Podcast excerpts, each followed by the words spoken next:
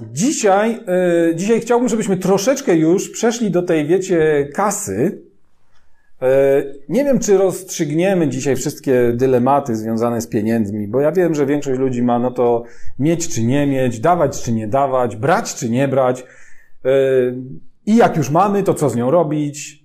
Oszczędzać czy nie oszczędzać? Różne są koncepcje. Jedni mówią, że oszczędność to jest najmądrzejsza rzecz i Biblia do tego zachęca. Inny powie, że nie. Oszczędzanie jest dowodem braku zaufania i miłości wobec Boga, bo przecież On wszystko nam daje i zabezpiecza. I w pewien sposób i jedno i drugie jest prawdą. I na te wszystkie pytania dzisiaj nie odpowiemy. Jest taka lista, którą sobie gdzieś tam stworzyliśmy i może ta lista nam e, będzie pomocna e, później, gdzieś pod koniec. W sensie na przykład za tydzień, bo na za tydzień jest ostatnie spotkanie w maju, więc no zobaczymy. Ale dzisiaj chciałbym, żebyśmy położyli pewne podstawy na temat tego, no to jak to z tymi pieniędzmi jest, jak to w ogóle z tym bogactwem, jak to z tymi dobrami. W psalmie 24, nie wiem, czy ktoś ma ze sobą Biblię jakąś. Ha. Ha, może się przydać.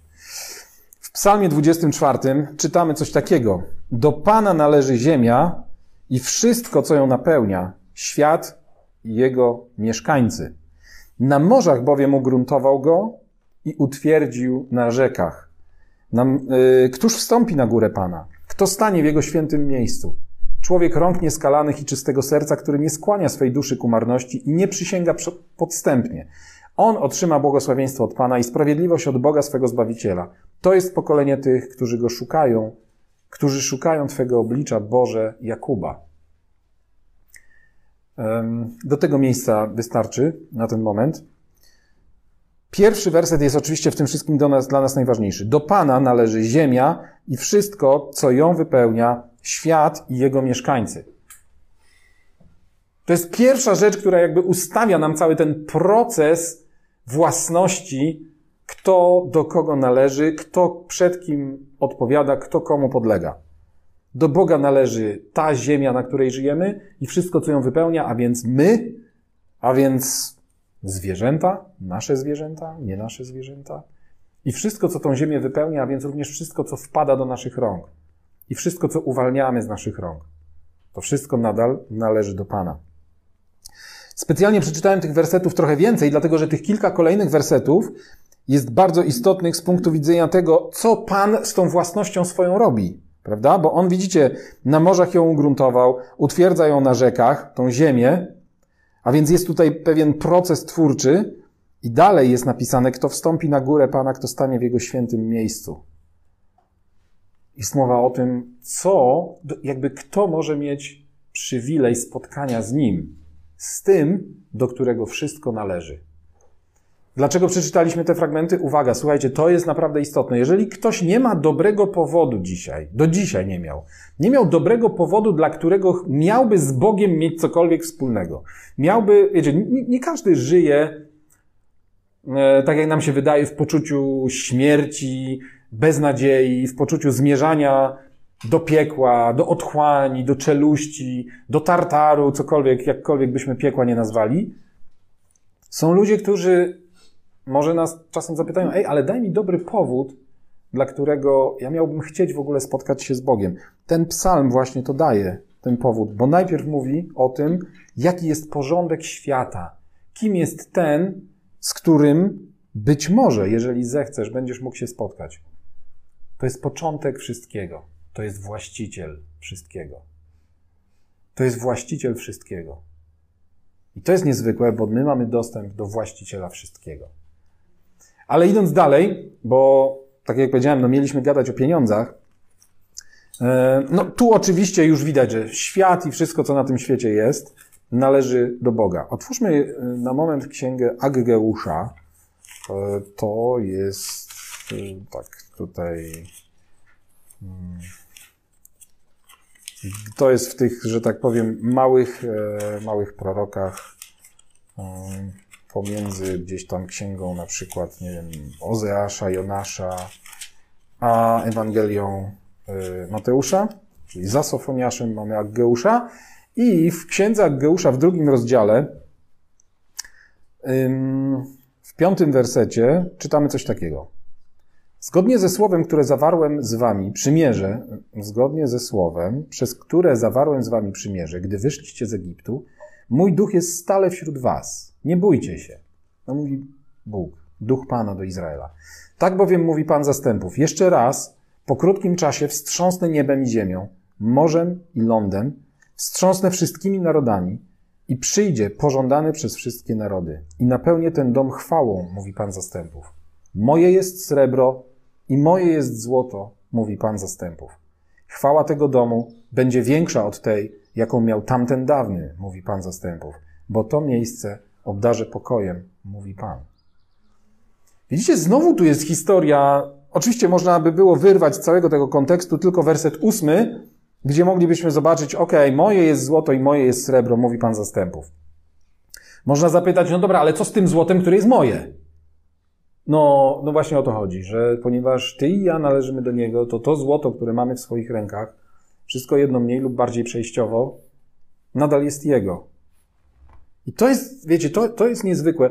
Znowu za tydzień, tak jak powiedziałem, przejdziemy jeszcze do kilku innych zagadnień związanych z gospodarowaniem tym, co mamy w ręku, ale ważne jest, żebyśmy dzisiaj zdali sobie sprawę, rozglądając się, wiecie, wokół siebie, że to wszystko jest Jego.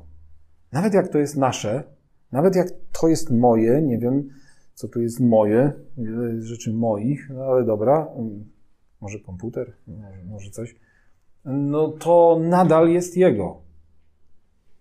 Ale zauważcie, w jakim to jest kontekście, tak jak to było w Psalmie 24. Znowu, on mówi, że moje srebro, moje jest złoto, a potem przechodzi do chwały domu, która będzie większa niż ta, którą miał wcześniej, bo to miejsce obdarze pokojem. To miejsce będzie miejscem Bożej ingerencji. Znowu fakt posiadania, Bóg wiąże te dwie rzeczy. Posiadanie ziemi, posiadanie jej mieszkańców, posiadanie tutaj, teraz czytamy srebra i złota, ze spotkaniem, posiadanie, jeżeli to wszystko należy do Boga, jeżeli my sobie z tego zdajemy sprawę, jeżeli my funkcjonujemy tak jak my sami i wszystko to, co mamy w rękach, jakby należało do Niego, to to jest podstawa do spotkania i tak jak tu czytamy, do chwały, która ma przyjść.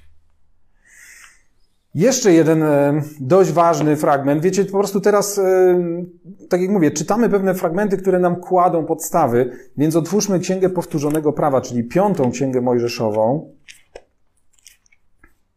I, I dzisiaj robimy, tak jak powiedziałem, czy, kładziemy podstawy, bo moglibyśmy z każdego z tych fragmentów wyrwać po jednym wersecie. Moglibyśmy przeczytać Pańska jest ziemia i to, co ją napełnia. A potem moje jest srebro i moje jest złoto. I z fragmentu, który przeczytamy teraz, też pewnie wszyscy wyczają, który to jest werset. Też moglibyśmy wyrwać jeden werset. Ale właśnie tu chodzi o to, żebyśmy złapali szerszy kontekst. Więc osiemnasty rozdział piątej Mojżeszowej Księgi Powtórzonego Prawa, no jest mega. On jest po prostu niezwykły i dlatego go przeczytamy. Właściwie może nawet w całości. Hmm. Przepraszam, nie, nie, nie osiemnasty. Ósmy. Ósmy, ósmy. Dlaczego to wziąłem 18? Nie wiem, być może coś jest i w 18 dla nas, ale póki co skupmy się na ósmym. Um, I mówi Bóg tak do Izraela: Wszystkich przykazań, które ci dziś nakazuję, będziecie przestrzegać i wypełniać je, abyście żyli, rozmnażali się, weszli i posiedli ziemię, którą Pan przysiągł waszym ojcom. Pamiętaj całą drogę, którą prowadził cię Pan Twój Bóg przez te 40 lat po pustyni, by cię ukorzyć i doświadczyć, aby poznać, co jest w Twoim sercu, czy będziesz przestrzegał Jego przykazań, czy nie. Upokorzył cię, dawał ci odczuć głód i karmił cię manną, której nie znałeś ani ty, ani twoi ojcowie, aby cię nauczyć, że nie samym chlebem żyje człowiek, ale że człowiek żyje każdym słowem, które wychodzi z ust Pana. To jest mega werset, ale to nie o tym mówiłem, że to ten e, do nas jakby wyskoczy. E, jeszcze, to jeszcze nie ten. Twoja odzież nie niszczyła się na tobie i tak dalej. Cały ten opis tego, co się działo, co się działo z Izraelem na pustyni, parę wersetów może pominiemy. I w szóstym czytamy, dlatego przestrzegaj przykazań Twojego Boga, abyś chodził Jego drogami i bał się Go. W siódmym, Pan Twój Bóg prowadzi Cię bowiem do ziemi dobrej, do ziemi potoków wód, źródeł i głębin wytryskających w dolinach i górach. I jedenasty, Mm, dziesiąty. Gdy będziesz jadł dosyta, będziesz błogosławił Pana swego Boga za dobrą ziemię, którą ci dał. Cały czas słyszymy tą retorykę. Bóg ci coś dał, Bóg ci coś zaplanował do dania, wszedłeś do tej ziemi i teraz, teraz masz to od Niego. I teraz będziesz jadł dosyta z tej ziemi, którą On ci dał. I kiedy będziesz jadł dosyta? Kiedy będziesz korzystał z tego, co On ci dał. On ci to dał, ale nadal to należy do, do Niego. Wiecie, to jest, to jest może ważne, żeby to teraz zauważyć. To, co jest w naszych rękach, należy do Niego nie dlatego, że On jest, wiecie, kto daje i zabiera, ten się w piekle poniewiera, tak? Wszyscy wiemy. Nieodwołalne są dary i powołania Boże. Niektórzy też powołują ten werset. No to jak? Bóg daje i zabiera? Po pierwsze, Bóg daje i zabiera. Tak może być. Jeżeli sobie przypomnimy Księgę Hioba, e, dzisiaj śpiewaliśmy piosenkę Błogosławię Cię i tak dalej. E, jeżeli ktoś pamięta, to jest tak po polsku ładne takie tłumaczenie zrobione, ale to jest piosenka, która oryginalnie cytuje cały czas wersety z Księgi Hioba. A w księdze Hioba jest napisane: Pan dał, Pan wziął. Co znaczy, że to, co nam on daje, nadal należy do niego, ale nie dlatego, że on to, wiecie, tak po prostu tak dał, ale na smyczy trzyma. To nie jest tak jak kapłan, który chodził, wchodził do świątyni za zasłonę, prawda? I miał przywiązany sznurek do nogi, żeby jak tam padnie, gdyby czasem zgrzeszył wczoraj wieczorem i wszedł niegodny przed oblicze Pana, żeby go po prostu było jak wyciągnąć. I to nie jest ten sznurek, że on daje, ale jednak trzyma to dalej w swoim ręku. No daj, no, no nie, no daj, no masz, ale cały czas trzymam. To nie, nie jest coś takiego. On nam daje wszystko do naszej dyspozycji, ale to nadal jest Jego, dlatego że my jesteśmy Jego. I dlatego, że cała ziemia, wszystko, cokolwiek, rozumiecie, każde stworzenie, któremu On daje pokarm, to On daje. Ale On daje w ramach swojej własności. Więc dlatego nadal to należy do Niego. I teraz, dlatego czytamy w tym jedenastym. Kiedy już będziesz jadł, kiedy już skorzystasz z tego, co On ci da, z tej dobrej ziemi, strzeż się, byś nie zapomniał Pana swego Boga i nie zaniedbał Jego przykazań, Jego praw i Jego nakazów, które ci dziś nakazuje.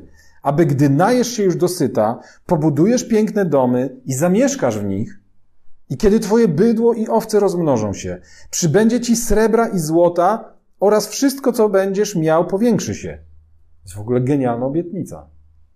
Genialna obietnica. Twoje serce, gdy już to wszystko będziesz miał, uważaj, żeby twoje serce nie uniosło się i abyś nie zapomniał Pana swego Boga, który cię wyprowadził z ziemi Egiptu z domu niewoli, który cię przeprowadził przez tę wielką i straszną pustynię, gdzie były węże jadowite i skorpiony, przez suchą ziemię bez wody i wydobył ci wodę z krzemiennej skały, który cię karmił na pustyni manną, której nie znali twoi ojcowie, aby cię ukorzyć i doświadczyć, by w przyszłości wyświadczyć ci dobro. Abyś wtedy nie mówił w swym sercu, moja moc i siła mojej ręki zdobyły mi to bogactwo.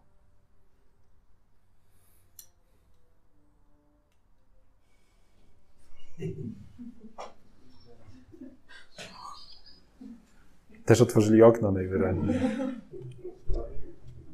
Ale pamiętaj Pana, swego Boga, uwaga, gdyż to On daje Ci siłę do zdobywania bogactwa, aby potwierdzić swoje przymierze, które poprzysiąg Twoim ojcom, jak się to dziś okazuje.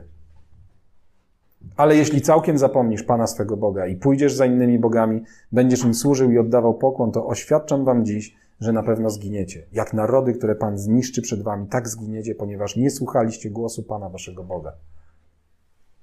Znowu kwestia posiadania, kwestia własności, kwestia bogactwa.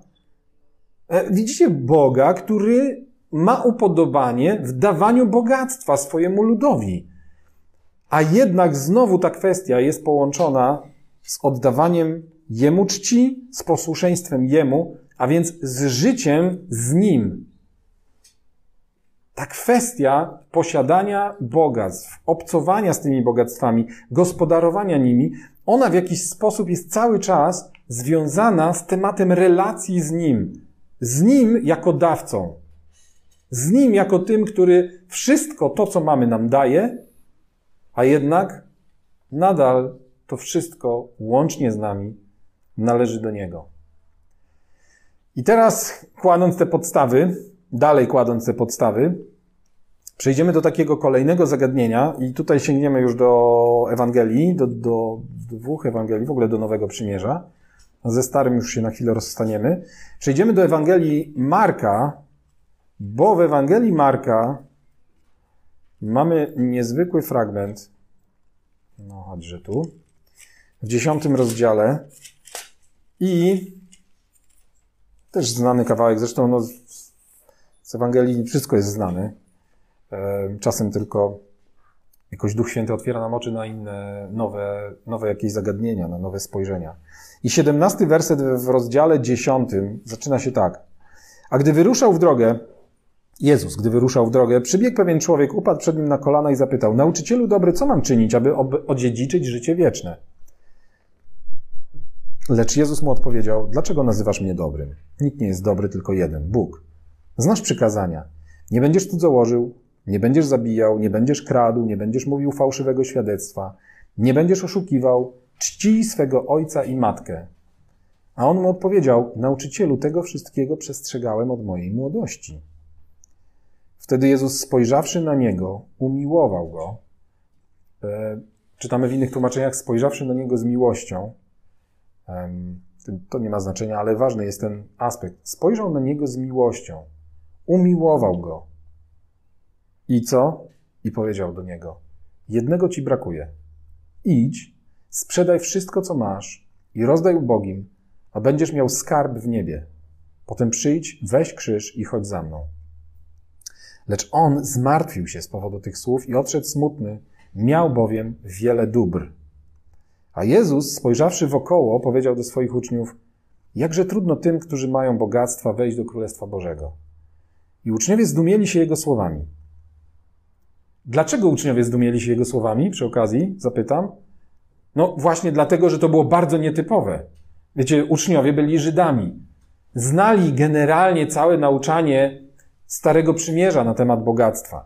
Wiedzieli, że Boża przychylność w pewien sposób manifestuje się w bogactwie.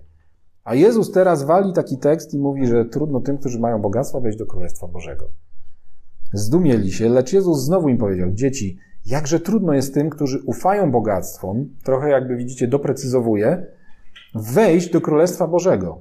Łatwiej jest wielbłądowi przejść przez ucho igielne, niż bogatemu wejść do Królestwa Bożego. A oni tym bardziej się zdumiewali i mówili między sobą, któż zatem może być zbawiony. A Jezus spojrzawszy na nich powiedział, u ludzi to niemożliwe, ale nie u Boga. U Boga bowiem wszystko jest możliwe.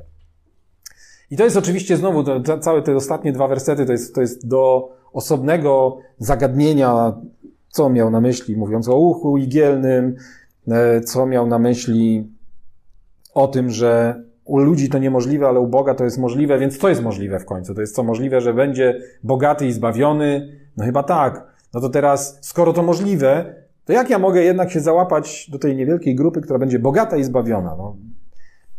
Ale Jezus nie o tym w ogóle mówi. On mówi o tych, którzy pokładają ufność w bogactwach. Takim będzie trudno wejść do Królestwa Bożego nie za karę, w ogóle zauważcie, że Jezus bardzo rzadko mówi o czymś w kategoriach ej, uważaj, bo za karę spotka cię to, albo zapłatą za to będzie to. To Paweł powiedział, zapłatą za grzech jest śmierć.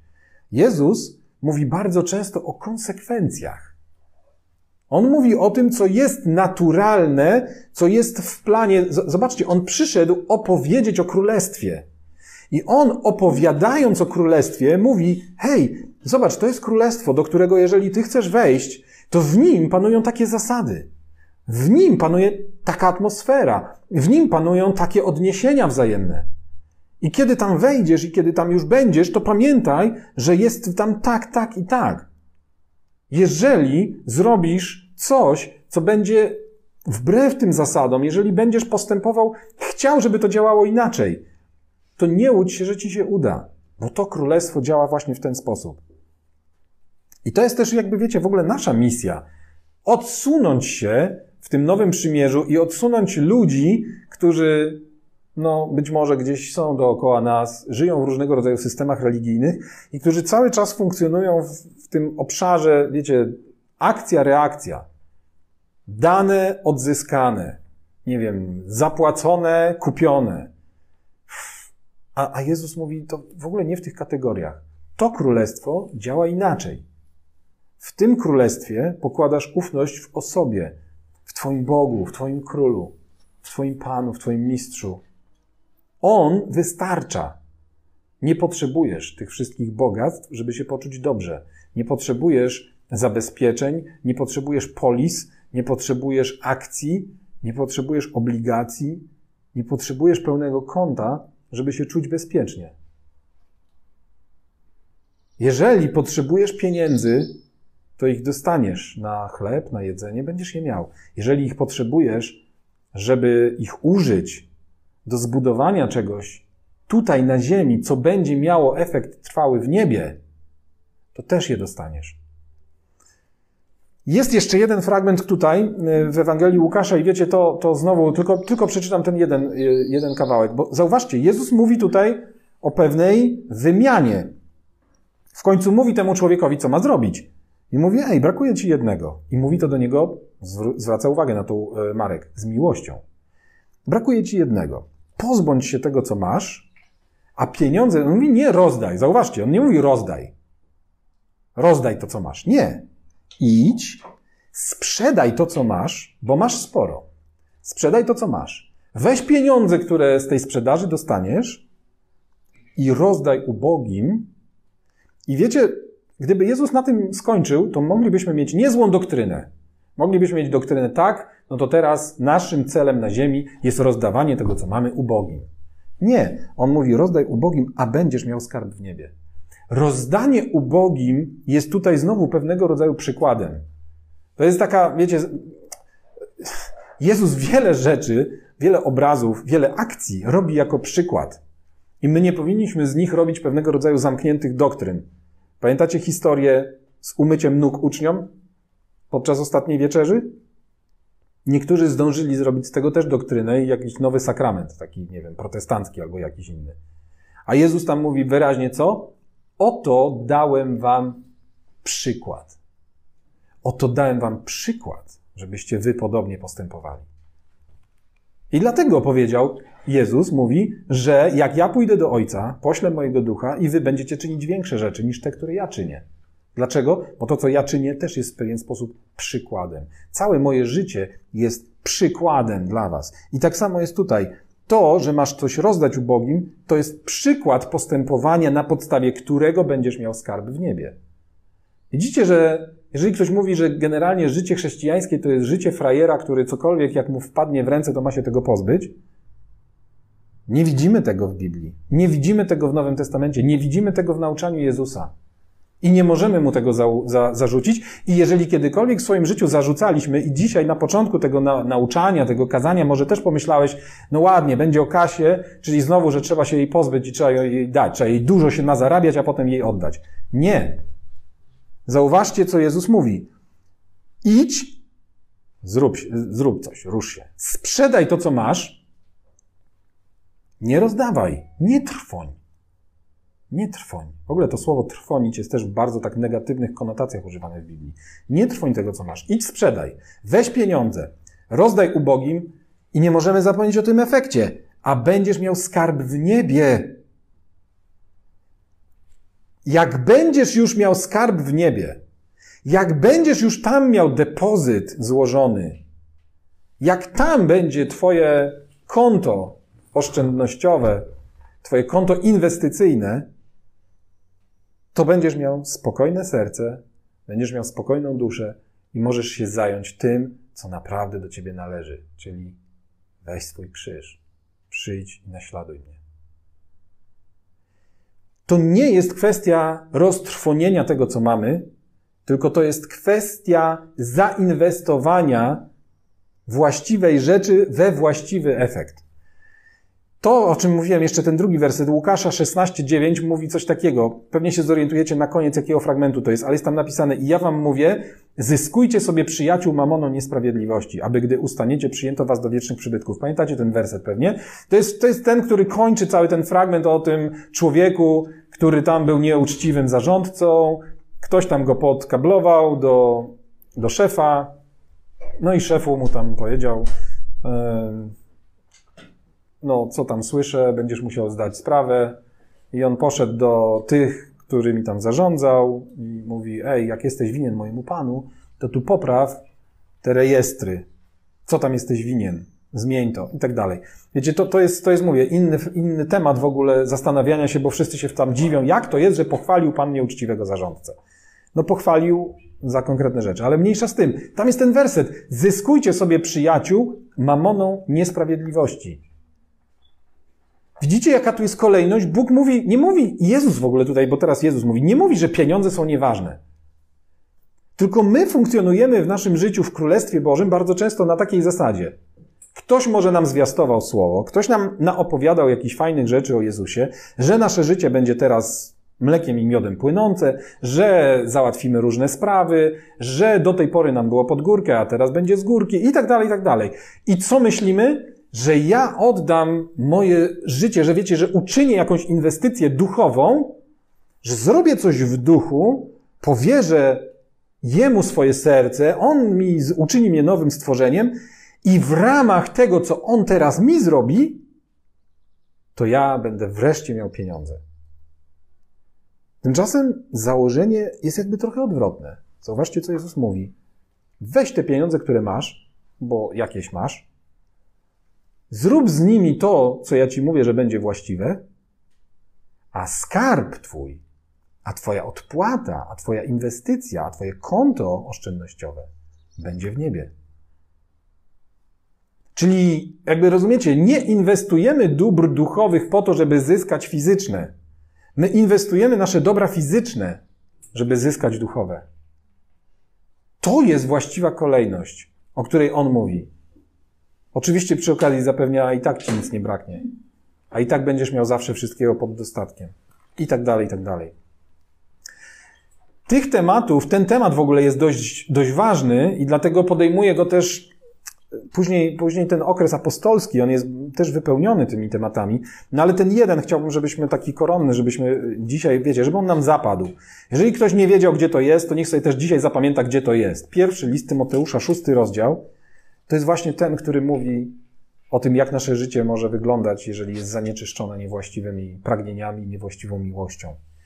Szósty werset szóstego rozdziału pierwszego listu do Tymoteusza. Wielkim zaś zyskiem jest pobożność, ja tu teraz przeczytam WBG tak jak jest, żeby nie było, że coś kręcę, wraz z poprzestawaniem na tym, co się ma. E, Biblia Warszawska na przykład mówi z poprzestawaniem na małym. To nie jest dobre tłumaczenie. To jest e, fragment, który mówi, wielkim zaś zyskiem jest pobożność, a więc zajmowanie się sprawami bożymi, jeżeli jest połączona z zadowoleniem, jeżeli jest połączona z zadowoleniem ze stanu, w którym się jest, a stan, w którym się jest, on zawiera w sobie to, co się ma. No bo dalej pisze, niczego nie przynieśliśmy na ten świat, z pewnością też niczego wynieść nie możemy. To jest takie, wiecie, z pewnością. No. Mając natomiast jedzenie i ubranie, poprzestawajmy na tym. Poprzestawajmy na tym jako na, na naszej potrzebie, z której jeżeli jest zaspokojona, bądźmy po prostu zadowoleni. Bo ci, którzy chcą być bogaci, wpadają w pokusy i w sidła oraz wiele głupich i szkodliwych porządliwości, nie tylko szkodliwych, ale i głupich, które pogrążają ludzi w zgubie i zatraceniu. Korzeniem zaś wszelkiego zła jest miłość do pieniędzy. Niektórzy pragnąc ich, zboczyli z drogi wiary i poprzebijali się wieloma boleściami. Ty zaś, człowieku Boży, uciekaj od tego wszystkiego, a podążaj za sprawiedliwością, pobożnością, wiarą, miłością, cierpliwością, łagodnością itd., tak itd. Tak Staczaj dobry bój wiary. To jest ten fragment, który, który jakby ciągnie te zalecenia dla Tymoteusza, e, które zostawia mu Paweł, jego, jego jakby ojciec w wierze, jego nauczyciel. Ci, którzy chcą być bogaci, wpadają w pokusy i sidła oraz wiele głupich i szkodliwych porządliwości, które pogrążają ludzi w zgubie i zatraceniu. Nie jest rzeczą złą mieć pieniądze, ale chciałbym, wiecie, żebyśmy dzisiaj wyszli z tego spotkania z takim przeświadczeniem, że Bóg chce nas zaopatrywać. I on absolutnie, skoro do Niego należy wszystko, skoro do Niego należy niebo i ziemia, skoro pańska ziemia, skoro, teraz o ziemi mówimy, skoro pańska jest ziemia i to, co ją napełnia, skoro Jego jest srebro i złoto, to dla Niego nie jest najmniejszym problemem, żeby dać nam wszystko, czego potrzebujemy. Tylko dla nas, wiecie, dla nas, ja, ja wiem to po sobie, ja, ja mówię trochę ze swojego doświadczenia. Wiecie, my mamy, świat nas od małego w jakiś sposób programuje i drukuje. Zawsze uważamy, że lepiej jest mieć więcej niż mniej. Zawsze jak zobaczymy, wiecie, niektórzy mówią no zielone, jakieś dolary, banknoty, cokolwiek. Jak zobaczymy pieniądze na horyzoncie, to jest coś takiego, co, że, że się w człowieku włącza jakiś pęd w tamtą stronę. I człowiek wierzący tylko różni się od niewierzącego najczęściej tym, że mówi, no, no tak, tak, bo ja tam biegnę, no przecież nie dla siebie, tylko właśnie, żeby te dobre cele realizować. Tymczasem nawet nie wiemy, jakie cele mamy realizować. Bóg nie jest, wiecie, jakimś szarlatanem, który manewrowuje ludzi w jakieś historie, a potem sprawia im ciągle niespodzianki. Bóg jest bardziej przewidywalny niż nam się wydaje. I zauważcie, że raczej jest tak, że On najpierw wyznacza nam pewne cele, daje nam pewne kierunki, w których mamy się poruszać, a potem te cele są zaspokojone we wszystkie potrzebne środki i narzędzia. Więc dzisiaj chciałbym, żebyśmy przestali, wiecie, myśleć o pieniądzach jako o czymś, co jest jakimś naszym albo przekleństwem. Niektórzy tak myślą, no ja to do miłości pieniędzy mam daleko, bo nigdy ich nie miałem na tyle dużo, żeby w ogóle ich pokochać.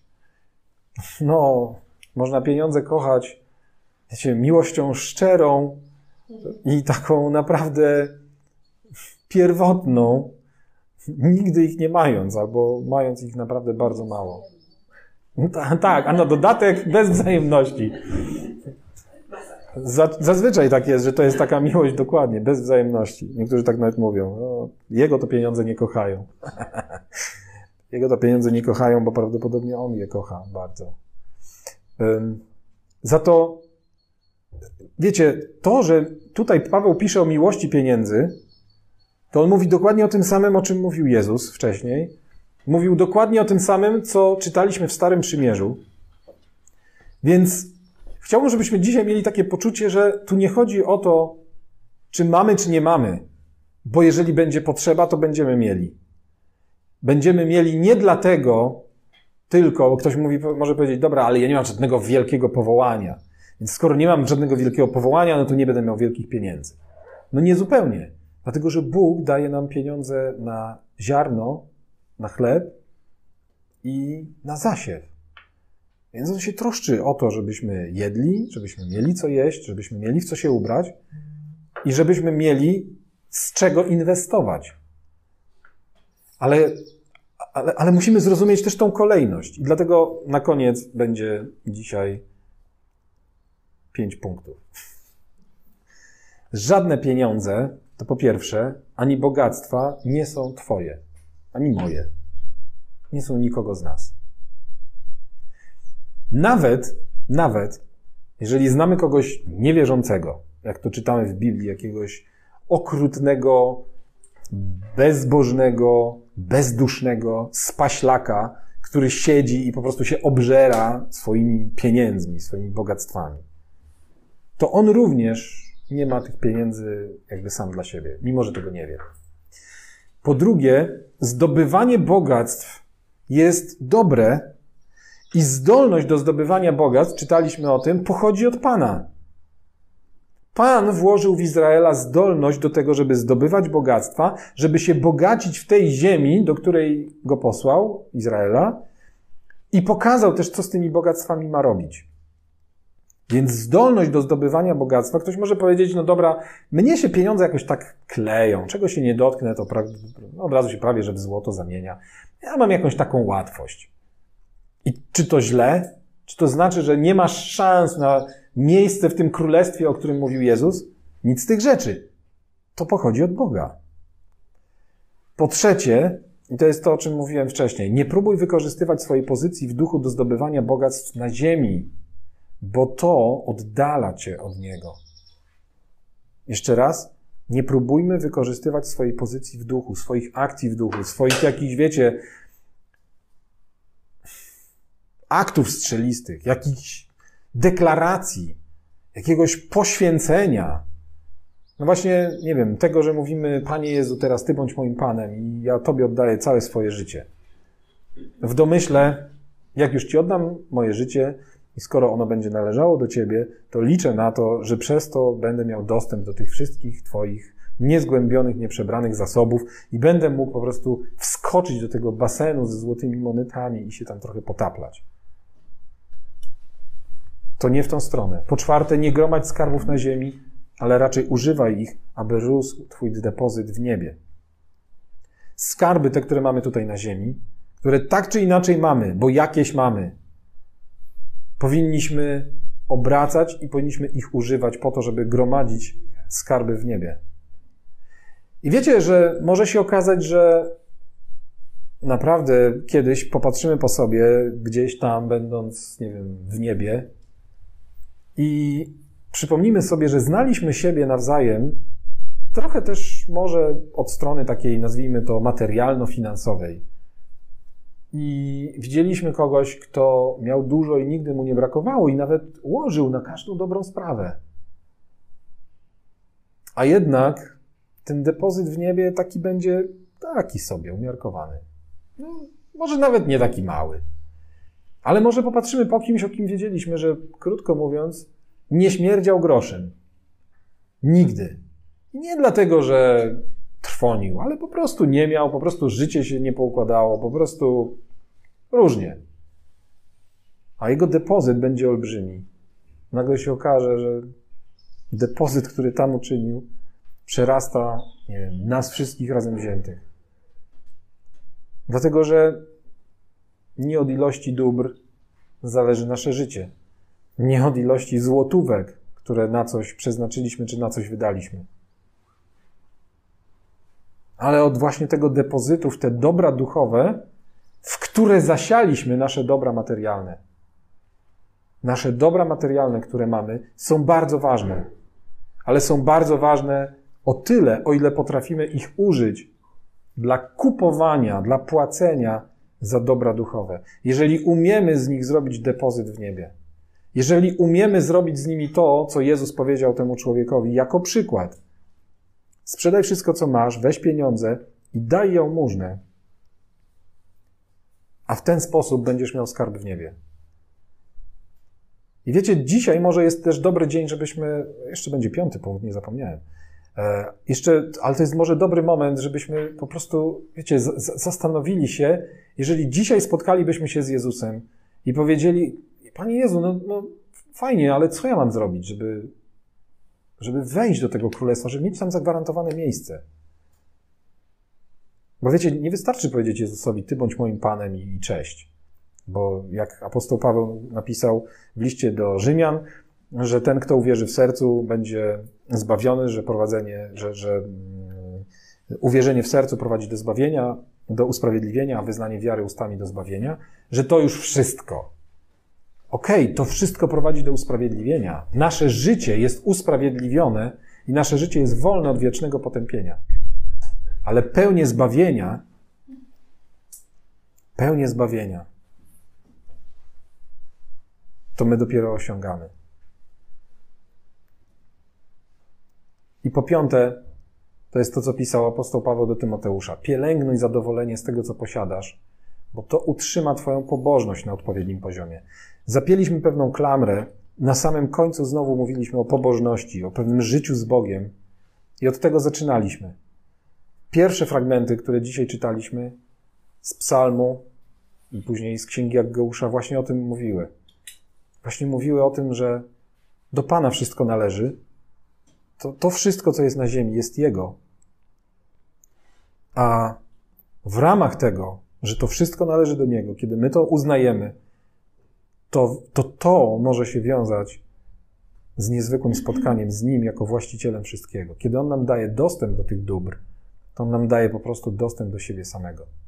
I dlatego, jeżeli będziemy pielęgnować to zadowolenie, o którym mówił Paweł, że no tak, że pobożność jest wielkim zyskiem, ale wtedy, kiedy jest połączona z zadowoleniem z tego, co mamy.